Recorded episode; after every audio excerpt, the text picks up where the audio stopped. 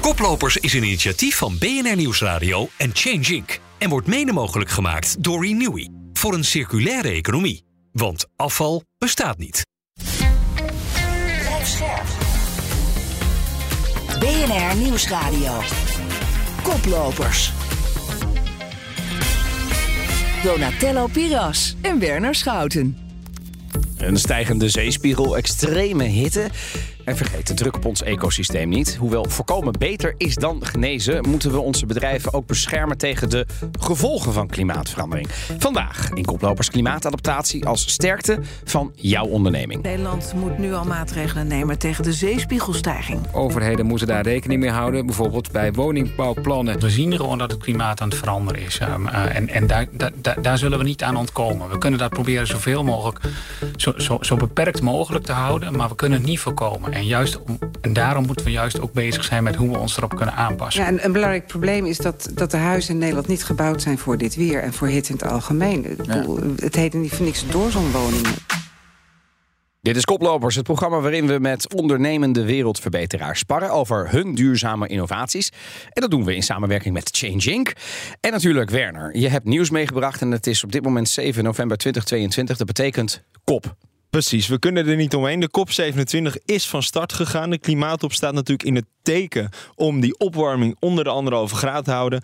Maar die top die start eigenlijk ja, met pikzwarte rapporten in aanloop daar naartoe. Zo heeft het uh, UN Environmental Program in het laatste Emissions Gap Report geconcludeerd dat er geen geloofwaardig pad meer is om de klimaatopwarming te limiteren tot anderhalf graad. En laat dat even tot je doordringen. Dat betekent niet van, oh, dan gaan we maar naar 2 graden. Dat betekent gewoon dat 2 miljard extra mensen dramatische hittegolven zullen ervaren. Dat 400 miljoen mensen enorme waterschaarste extra zullen hebben. Dat betekent dat honderden mensen, voornamelijk in Sub-Sahara-Afrika, in extreme armoede zullen vervallen. En dat gebeurt nu dus al, want die klimaatverandering raast alleen maar voort.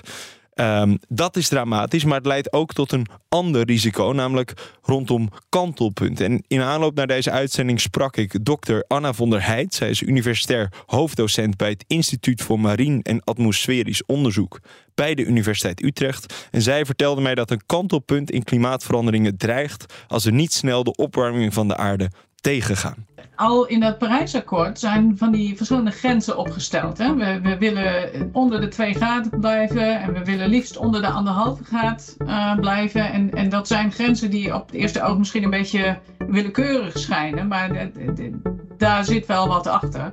Want als we ver boven de 2 graden gaan, dan dan is er gewoon de kans dat de een of andere van die kantelpunten overschreden wordt, um, toch behoorlijk groter. Dat betekent dat zeg maar, de opwarming van de aarde niet meer geleidelijk uh, doorgaat, maar dat hij een sprong maakt. Uh, los van die lang, misschien langzame globale opwarming, dat je in sommige gebieden gewoon heel andere weerspatronen, heel andere extreemsituaties kan krijgen. En, en relatief plotseling. Dus daarom is het denk ik van belang om toch onder die grens te blijven. Um, en uh, nou ja, anderhalf graad zou mooi zijn, maar dat is, dat is al bijna niet meer te halen. Um, maar zeker onder de 2 graden willen we wel, uh, wel graag blijven. Want anders versnelt zich gewoon um, de, de verandering en, en ja, wordt, wordt minder voorspelbaar ook in die zin. Ja, ik deel wel, Werner, dat het natuurlijk, uh, nou ja, uh, schrikbarend scenario is. Als er geen geloofwaardig pad is, dan moeten we denk ik alles aan doen. En we proberen natuurlijk alles te doen. Soms kan het iets beter om die klimaatverandering tegen te gaan. Maar hoe gaan we nou om met het kwaad dat al is geschieden? Want we zitten al op 1 graad op dit moment. Zeker. Hier tegenover mij zit Sabrina Helmeijer. Zij is sectorleider waterschappen bij Arcadis. En zij geeft advies over onder andere klimaatadaptiviteit. Welkom. Dankjewel.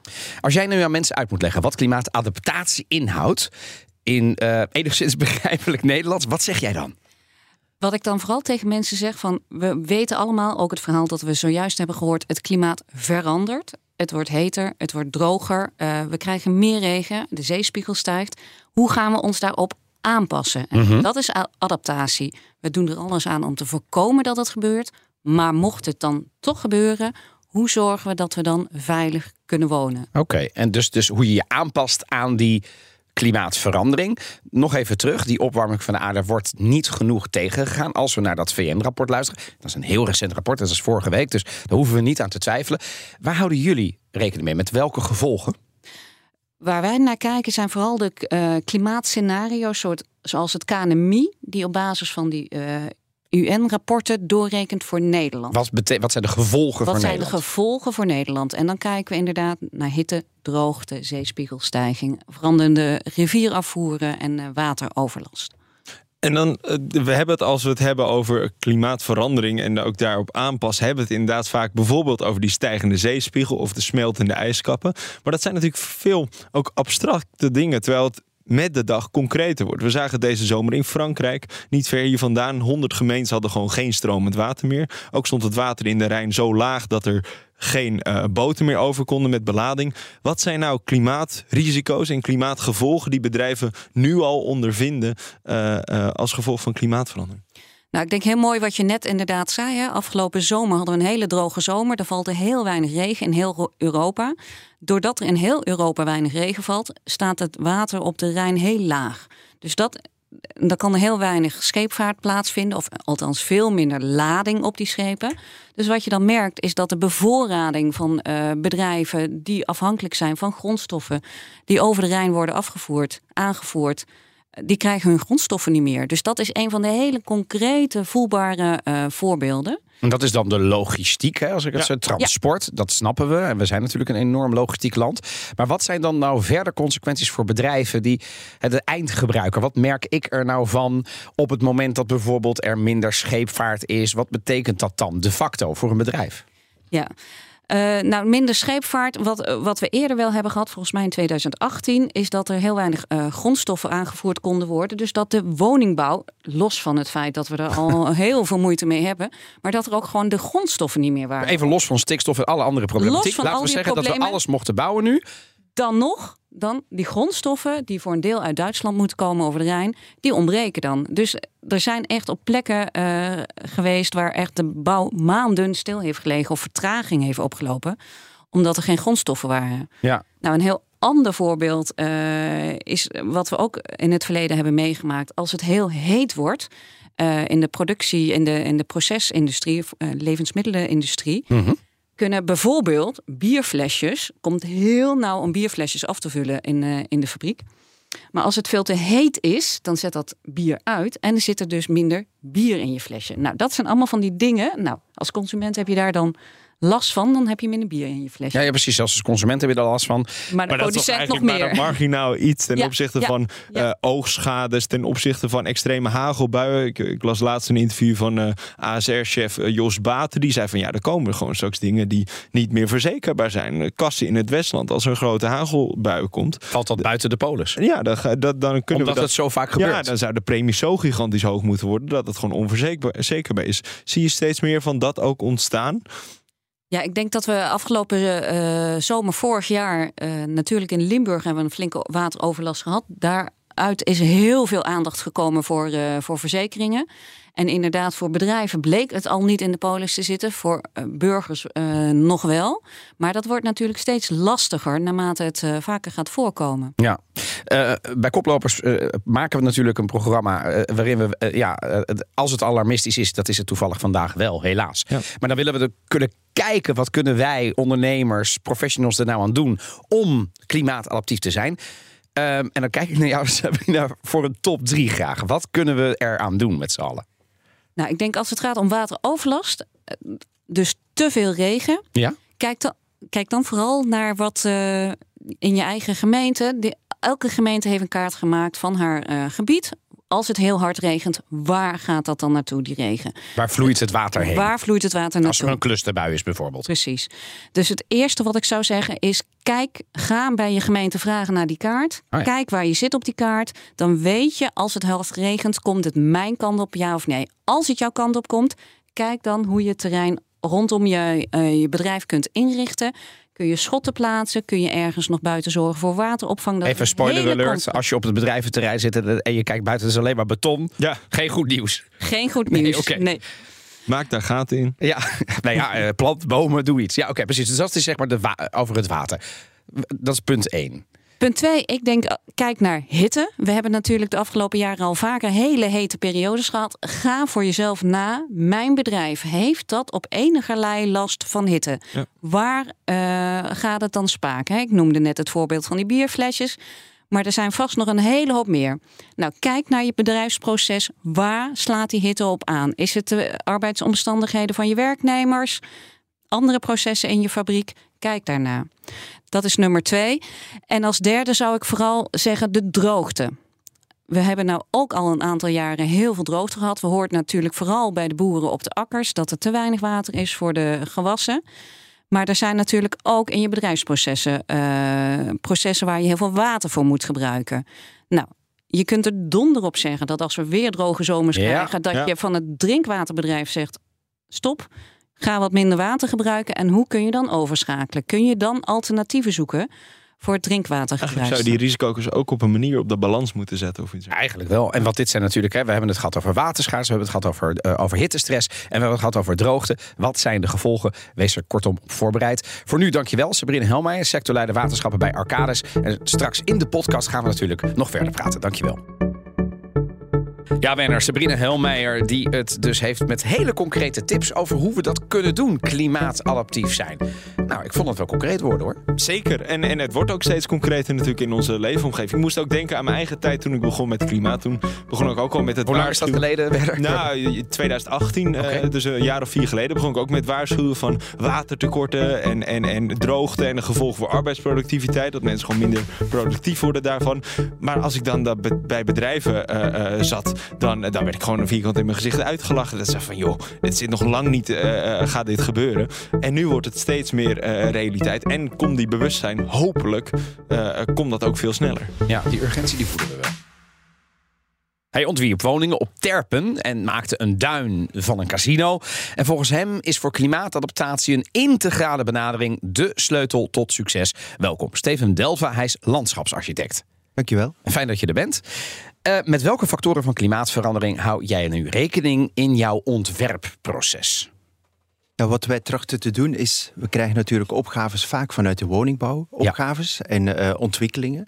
En we trachten daar eigenlijk eh, de andere aspecten, de urgente opgaves van klimaatadaptatie, duurzaamheid aan toe te voegen. Zoals daar zijn, wat zijn dan urgente opgaven? Waar denken we dan aan? Vooral zeg maar, kijk, kijk als je naar een eh, klimaatadaptatie zorgt dat je je regenwater op een juiste manier afvoert, dat je geen schade gaat on- eh, oplopen. Was er net gemeld, zeg maar, hoe ga je dat blijven verzekeren? Dit soort zaken vinden we ontzettend belangrijk. Er wordt eigenlijk vaak nu eh, niet onmiddellijk opgenomen in die ontwikkelingen die we nodig hebben, zeg maar, om die op het juiste antwoord te geven op die actuele vraagstuk van die woonopgave. En dan is natuurlijk de hamvraag, Steven. Ehm, dit zijn natuurlijk enorm belangrijke dingen. Hè. Eh, eh, Werner zei het net al, eigenlijk moeten we dat onderdeel maken van die integrale aanpak. Dat zou eigenlijk ook op de balans moeten staan. Maar kun je een integrale aanpak waar duurzaam, sociaal, maar ook economische aspecten gezamenlijk worden benaderd? Ja, dat is eigenlijk net wat we doen als bureau. Dus we kijken naar de, naar de economie van, eh, van plannen. En daar automatisch zeg maar, die klimaatadaptatie of biodiversiteit aan toe te voegen. Samen. Samen. Daar samen. wil ik natuurlijk een voorbeeld horen hoe dat gaat. Jazeker. Ehm nou, een voorbeeld, je noemde het al. Een, eh, een ontwikkeling zeg maar, in, eh, in Lisse, een klein dorp eh, in het Westland. De Bollenstreek. De Bollenstreek, inderdaad. Eh, daar komen een aantal woningen bij. Eh, ehm, nou, toch best een rijke ontwikkeling. En onze opdrachtgever is een ontwikkelaar. Nou, dan gaat het dan natuurlijk, zeg maar, we moeten die woningen maken. Het moet zo weinig mogelijk kosten. we willen natuurlijk een leefklimaat creëren, punt. En dat was het. Nou, dan kun je inderdaad eh woningen gaan draperen in een polder en dan klaar. Dan heb je eigenlijk je oefening goed gedaan. Maar wij gebruiken, misbruiken eigenlijk dat vraagstuk van die urgente woonopgave. Gebruiken we eigenlijk om ook die andere, ook zo noodzakelijke doelstellingen te integreren in zo'n planvorming. Hoe neem je dat mee? Wat, wat is dat? Ja. Misbruik, hè, zei jij. Dus je krijgt een vraag en daarvan zeg jij dat misbruik ik.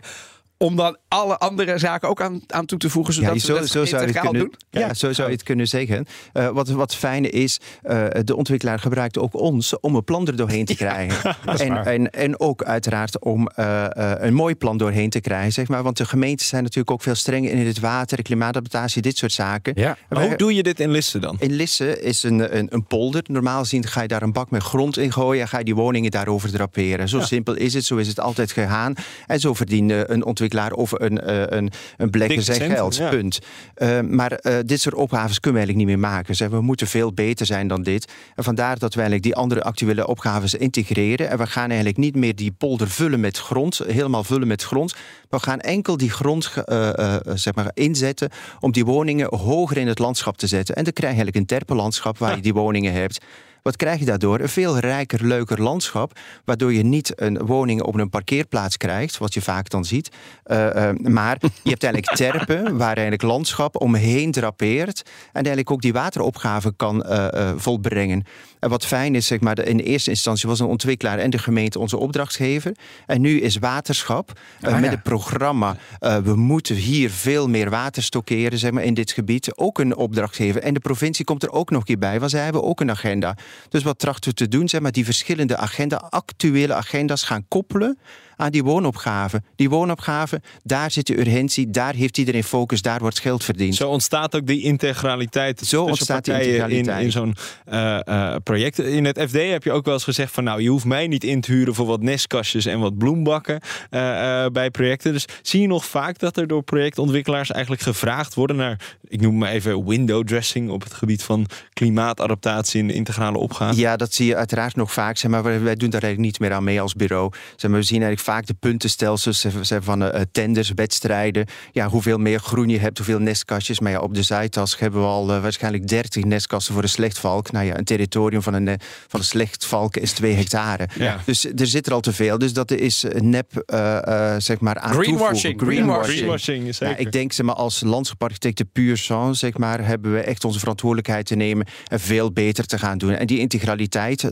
landschapsarchitectuur is het vak die die integraliteit kan gaan versmelten smelten uh, en veel rijkere, veel betere plannen kunt gaan maken. Maar dat betekent dus hè, dat als ik jou goed begrijp, Steven, landschaps, uh, jouw landschapsarchitectuur, jouw vak zegt eigenlijk dat je dat allemaal moet integreren. En eigenlijk zei je, voorheen verdienden we eigenlijk alleen maar geld om het op de oude manier te doen. Kortom, uh, in de polder, daar moet dan grond op en daar gaan we dan wonen. Dat kan niet meer. Want onze wateropgave, hè, dat zeggen de waterschappen ook, die voorspellen iets anders. En jij zegt, maar dat kunnen we wel combineren met elkaar. Ja. En wat is dan het belangrijkste wat je in, in, in, in de gaten moet houden als projectontwikkelaars luisteren? Nou, wat we voor nogmaals dat project Elisse hebben meegeschreven aan die business case. We hebben minder wegen gemaakt, waardoor je uiteraard meer infiltratie krijgt, minder rioleringen gemaakt. Al dit soort zaken, minder grond in die polder gegooid. Dat zijn allemaal zaken die eigenlijk uh, normaal gezien wel gemaakt werden, maar je hoeft er niet te maken. En wat we krijgen als resultaat een veel rijker en veel uh, adaptiever, klimaatadaptiever landschap. Is het ook mooier? Het is fantastisch. Dus die projectontwikkelaar moet eigenlijk ruimte overlaten zodat jij die projecten kan misbruiken, als ik het goed begrijp. Toch? Uh, eigenlijk heb je een stukje grond nodig en je maakt je plannen. Het is ook een, een, een, zeg maar de, de kreet van de, van de overheid. Je start bij bodem en water als je gaat ontwikkelen. Je start bij bodem en water. En dat geeft ons zoveel rijkheid, zoveel inspiratie om het veel beter te doen dan platvloerswoningen te draperen. Maar dan toch even, ik ken concepten en zulke voorbeeldprojecten zijn fantastisch natuurlijk, maar we gaan honderdduizenden huizen bouwen. Ik ken de bouwsector een beetje. Die verandert trager dan dat beton verweert, uh, voor mijn gevoel. Uh, komt dit verder dan zulke voorbeeldprojecten en dat dit ook brede adoptie vindt eigenlijk in eigenlijk elk project? Ja, Schaalbaarheid. Ja, het is fijn dat het project wat ik net noemde, zeg maar, het is door de raad goedgekeurd. Het heeft een snelheid gemaakt die ze niet had, hadden dachten te kunnen maken. Uh, dus die versnelling kun je er ook mee gaan faciliteren. En van daaruit moet je eigenlijk veel dit soort projecten gaan maken als inspiratie voor andere gemeentes. En het zal uiteraard niet overal op terpen zijn, maar als we beginnen met bodem en water, dan geeft ons dat de inspiratie om eigenlijk verder te gaan. Tot slot, uh, Steven, in het kort. Wat is nou de belangrijkste rol die projectontwikkelaars en overheid samen hebben om dit meer mogelijk te maken? Integraliteit, integraliteit. In het denk, denken. Ja, denk over al die aspecten. Want er zijn zoveel afdelingen die nu niet communiceren met elkaar. En als ze integraal plannen gaan maken, dan uh, gaan we echt die verandering kunnen weer waarmaken in die wonenopgave. Steven Delva, landschapsarchitect, dankjewel. Ja, Steven Delva, landschapsarchitect. Eh, ik, ik moet zeggen, ik ben altijd heel erg gecharmeerd van zijn voorbeelden. En hij koppelt, hij misbruikt eigenlijk economie om het geïntegreerd aan te pakken. Maar hij doet het dus wel samen. Ik word daar heel erg optimistisch van hoor. Briljant. We hebben het altijd over dat uh, bedrijven eigenlijk uh, lasten socialiseren en winsten Precies. privatiseren. Ja. Maar hij doet het andersom. Matsukato hoor ik nu een beetje. Ja. Inderdaad, hij gebruikt juist die private projecten Ja. om dus publieke uitdagingen op te lossen. Maar uiteindelijk is iedereen blij, hè? Ja, precies. Dus het kan wel. Ja, het is eh, briljant. Ja, meer van dat. Terwijl het water ons aan de lippen staat, praten we door in het podcastdeel van deze uitzending over de stelling. Door de focus op klimaatadaptatie verliezen we de urgentie om de opwarming tot anderhalve graad te beperken. Te beginnen bij jou, Sabrina. Oneens, zei je? Ja, oneens. Volgens mij moeten we nog steeds keihard blijven werken om te zorgen dat die opwarming, uh, dat we die tegenhouden. Uh, maar dat neemt niet weg, zeg ik altijd, dat we ook moeten nadenken over het feit uh, wat gebeurt er als het wel misgaat. We wonen hier in een hele lage delta en wij krijgen gewoon alle, nou, niet netjes gezegd, shit van, uh, van de rest van Europa uh, in dit afvoerputje. Nou ja, we zitten hier, ja. we, we, zenden uit bij het onder NAP waarschijnlijk. Zeer onder NAP. Ik woon niet zo heel ver hier vandaan. En uh, de, volgens mij zit dat ergens 6 meter. Weet je, dus, dus uh, mocht het misgaan, nou dan, dan, ja, en, en, en, dan moet ik naar de achterhoek. Misgaan is natuurlijk ook een relatief begrip. Het is gewoon eigenlijk een ongeluk in, in slow motion. Hè? De, de, de oogschades en dergelijke worden steeds groter. Dus we ervaren nu al die gevolgen. Ja, een ongeluk in slow motion, dat heb je wel als je het hebt over zeespiegelstijging. Dat gaat heel langzaam. Maar nogmaals, de, de bui die we vorig jaar hebben gehad in Limburg, dat was 18 centimeter. Ik, ik noem het maar even 18 centimeter. Dat lijkt helemaal niet zo heel veel. Maar stel dat 18 centimeter hier op Amsterdam valt. Maar 18 in, in één keer hè, gaat het In over. één keer in 24 ja. uur ja. of 48 48 uur. uur ja. Als het aan één stuk door blijft regenen, dan kun je het water hier ook niet ja. weg. Dus het gaat eigenlijk al mis. En dat kan heel snel. Dat, dat is dan letterlijk in 48 uur. Dan toch even, als ik naar jou overga, Steven. Uh, we hebben deze stelling ook op LinkedIn geplaatst. Daar zei 71% van de mensen van... ja, die focus op klimaatadaptatie leidt ons wel af. En uh, zorgt ervoor dat we de urgentie verliezen... om die opwarming tot de anderhalf graad te beperken. Dus ik denk dat heel veel missiewerk nog te doen is over jullie standpunt. Jazeker. En ik denk dat het ook een soort shift zal moeten eh, zijn zeg maar, in ons vak. Zeg maar, we raken het aan, we durven een beetje te doen, maar we moeten er veel radicaler gaan zijn in die uitkomsten die we presenteren. En we hebben een echt nood aan goede voorbeelden en dat moeten we met z'n allen gaan creëren. Dus het vak, het heel, alle disciplines, niet alleen landschaparchitecten, maar uh, heel de reutemeteut, moeten eigenlijk samen eigenlijk die shift gaan, gaan waarmaken en met elkaar samen gaan werken. Maar daar is, daar is natuurlijk niemand tegen dat we, ja. dat we het samen. Ik zeg altijd maar zo, sinds ik radioprogramma's, podcast maak of congressen Iedereen presenteer. wil samenwerken. Iedereen is voor samenwerking, jongens. Ik heb nog nooit iemand gehoord die zegt, nou, de samenwerking, Donatello, daar, daar ben ik tegen. Het probleem met die samenwerking is juist wie beweegt dan als eerste. En daar probeert deze stelling natuurlijk een beetje voor te beduren. Want die zegt, als we heel veel focus leggen op die klimaatadaptatie, even puur in de gedragspsychologie en de communicatie, dan voelt een gemiddelde professional ondernemer die urgentie om het klimaat te beperken niet. Het is net zoals met die gasrekening nu. Als we het gaan compenseren, nou ja, dan hoef ik niet meer te besparen. Want ik krijg het, het toch gecompenseerd. Het is ook een beetje de, de, de klimaatontkenners die dit uh, frame hebben gekaapt natuurlijk. Hè? Die zeiden van ja, we kunnen makkelijk aanpassen. Dus het maakt helemaal niet zoveel uit als we twee graden opwarmen bijvoorbeeld. Da dat komt er dus, ook nog bij. Zeg maar, ja, maar dus, puur, de, puur de urgentie. Moeten we ja. daar dan niet iets meer mee doen? Steven en daarna Sabrina? Ja, ik, ik, uiteraard zeg maar als ons vak, zeg maar, proberen we natuurlijk zeg maar, die juiste antwoorden te geven en die combinatie van verschillende disciplines bij elkaar te gaan brengen.